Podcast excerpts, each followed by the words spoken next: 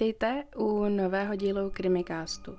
Dnes si rozebereme případ vraha, který byl až chorobně posedlý ženskými ňadry a jmenoval se Svatoslav Štěpánek. Už takhle na začátek se chci zase omluvit za to, jestli v pozadí budou nějaké nepříjemné zvuky, ale zase jsme doma všichni a já pořád bydlím v paneláku, takže snad mi to odpustíte. Každopádně myslím si, že můžeme rovnou začít.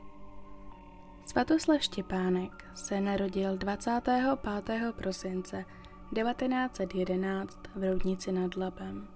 Pocházel z dobré rodiny. Jeho otec pracoval jako inženýr v cukrovaru a jeho matka pracovala jako učitelka v mateřské školce. Tuto práci však po nějaké době opustila a stala se ženou v domácnosti. Měl dva sourozence, kteří se odstěhovali na Slovensko.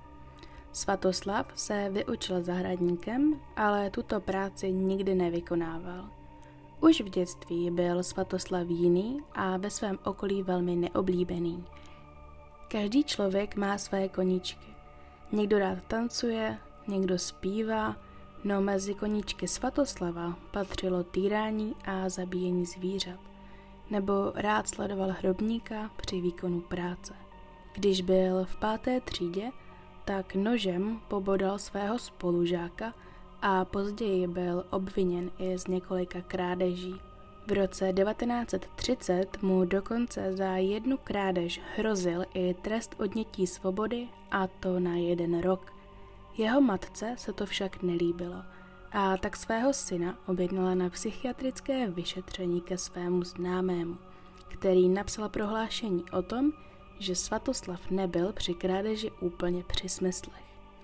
Zároveň jí však upozornil na to, že Svatoslav opravdu není zcela v pořádku a doporučil jeho ústavní léčbu, kterou však jeho matka i hned odmítla. Tvrdila, že její syn rozhodně není blázen a že je jen jiný než ostatní. První vraždu Svatoslav spáchal v roce 1928, tedy když mu bylo 16 nebo 17 let. Tady to bohužel nevím přesně, protože v každém mém zdroji se uvádělo něco jiného. Každopádně jeho obětí se stal teprve pětiletý Bedřich Prožovský. Svatoslav ho ubil kladivem, rozčtvrtil a zakopal ve sklepě. Svatoslav má na svém kontě i dva nevydařené pokusy o vraždu. První je z ledna 1936, kdy napadl 13-letou růženu Jebavou, která ho zaujala svým poprsím. Když šla růžena ze školy domů, tak za ní nějakou dobu jel na kole. Po nějakém čase u ní zastavil a přiložil jí zbraň na levou lopatku. Vystřelil a od dívky o kousek popojel. Řekl jí, tady to máš a z místa odjel. Dívka tento výstřel přežila, protože kulka těsně minula srdeční sval. Druhý nevydařený pokus o vraždu je také z ledna 1936. Tentokrát si Svatoslav vyhlídnul 26-letou Zdeňku Drobnou, která šla z nemocnice, kde navštívila svého manžela. Stejně jako v prvním nevytařeném případě, i teď byl Svatoslav na kole, což mi mimochodem připomíná způsoby Václava Mrázka. Svatoslav dívku dojel na kole, poté ji srazil do příkopu a začal jí nadávat. Dívka dostala strach a tak se zvedla a začala utíkat. Svatoslav se rozběhl za ní a když jí doběhl, tak jí přiložil zbraň k srdci. Zdeňka mu však ruku srazila, takže jí výstřel zasáhl do břicha. Nebýt náhodného člověka, který se na místě najednou objevil, dívka by tento útok nepřežila, protože Svatoslav se chystal vraždu dokončit sekerou. Když se dívky a svědek dostavili k výslechu a popisovali pachatele, tak popis seděl na Svatoslava jenom částečně. A ještě ke všemu měl Svatoslav alibi, kterému zajistili sousedé a jeho matka. Tvrdili, že v době útoku byl Svatoslav doma s chřipkou. Svou druhou dokonanou vraždu spáchal 5. dubna 1936 v době, kdy jeho matka odjela na Slovensko za dalšími dětmi. Ten den se při roznášce mléka Františka Třísková ztratila. Když se Svatoslava ptali, zda Františku v tento den viděl, tak to popřel a tvrdil, že v době, tedy mezi 6 a 7 hodinou raní, kdy Františka zmizela, spal a poté šel do kostela. Podle všeho měla jako poslední navštívit právě dům, ve kterém bydla Svatoslav s matkou, jenže její kamarádka vypověděla, že s ním mluvila ještě potom, co dům Štěpánkových naštívila.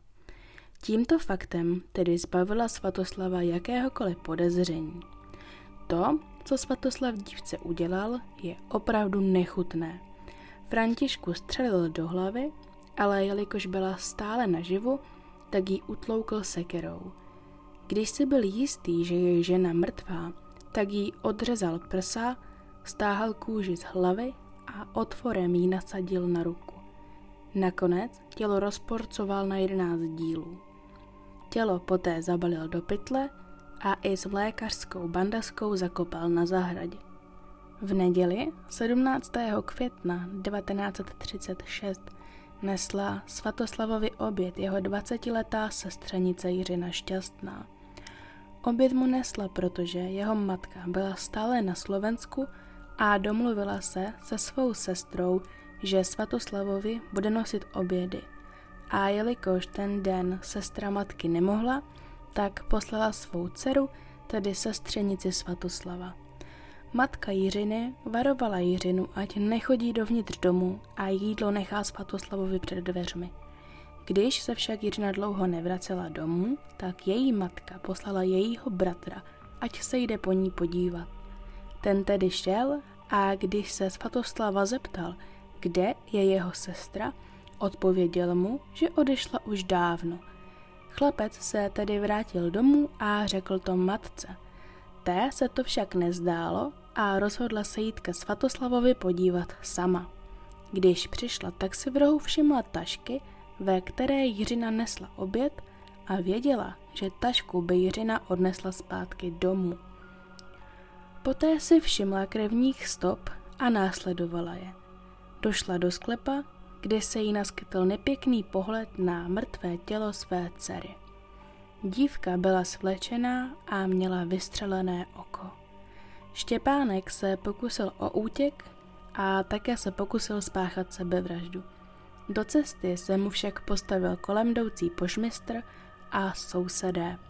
Svatoslav Štěpánek byl tedy zadržen a když se ho policie ptala, co chtěl s mrtvým tělem dívky udělat, odpověděl, že ho chtěl rozčtvrtit a zakopat na zahradě. Když policie prohledávala okolí domu Štěpánkových, tak si všimli, že na jednom místě je nová hlína, tedy že někdo na zahradě kopal. Rozhodli se tedy zahradu zcela překopat. Po překopání zahrady policie našla kosterní pozůstatky, které vypadaly jako dětské. Policie tedy pátrala a přišla na to, že v roce 1926 se ztratil jí zmíněný Bedřich. Svatoslav za začátku vše popíral, ale když mu policie sdělila, že našli kosterní pozůstatky, tak se přiznal. Se Svatoslavem jsou spojeny ještě dvě další vraždy, ale ty mu nebyly nikdy dokázány. Když policie prohledávala jeho dům, tak v jeho pokoji našli mapu, na které bylo označené místo nedaleko Bohnic.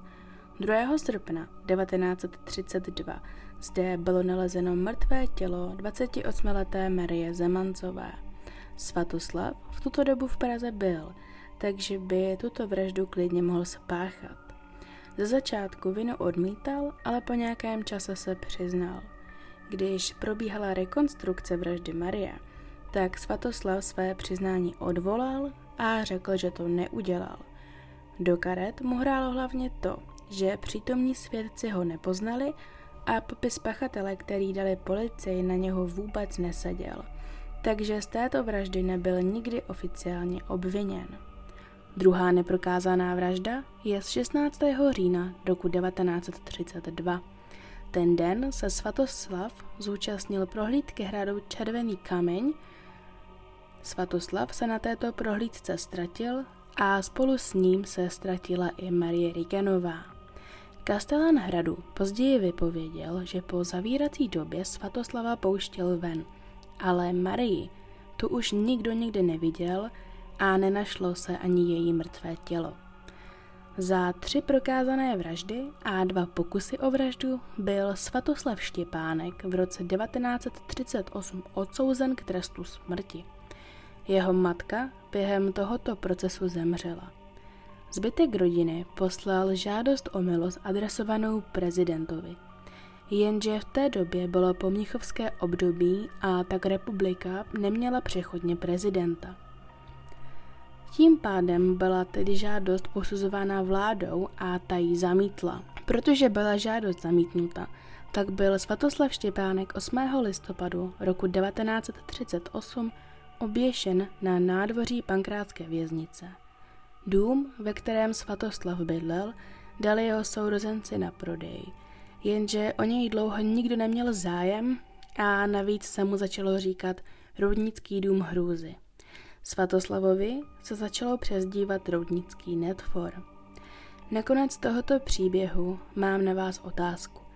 Myslíte si, že by se něco změnilo, kdyby se Svatoslav léčil tak, jak mu bylo doporučeno? To by tady bylo k případu Svatoslava Štěpánka úplně všechno. Na závěr dnešní epizody tady mám ještě takovou novinku a to, že pokud máte rádi náš podcast a chtěli byste nás nějak podpořit, tak nově můžete, protože jsme na herohero.co. Pokud nevíte, co je Hero Hero, tak je to vlastně předplacená platforma, kde tvůrci můžou zveřejňovat, dejme tomu, prémiový obsah.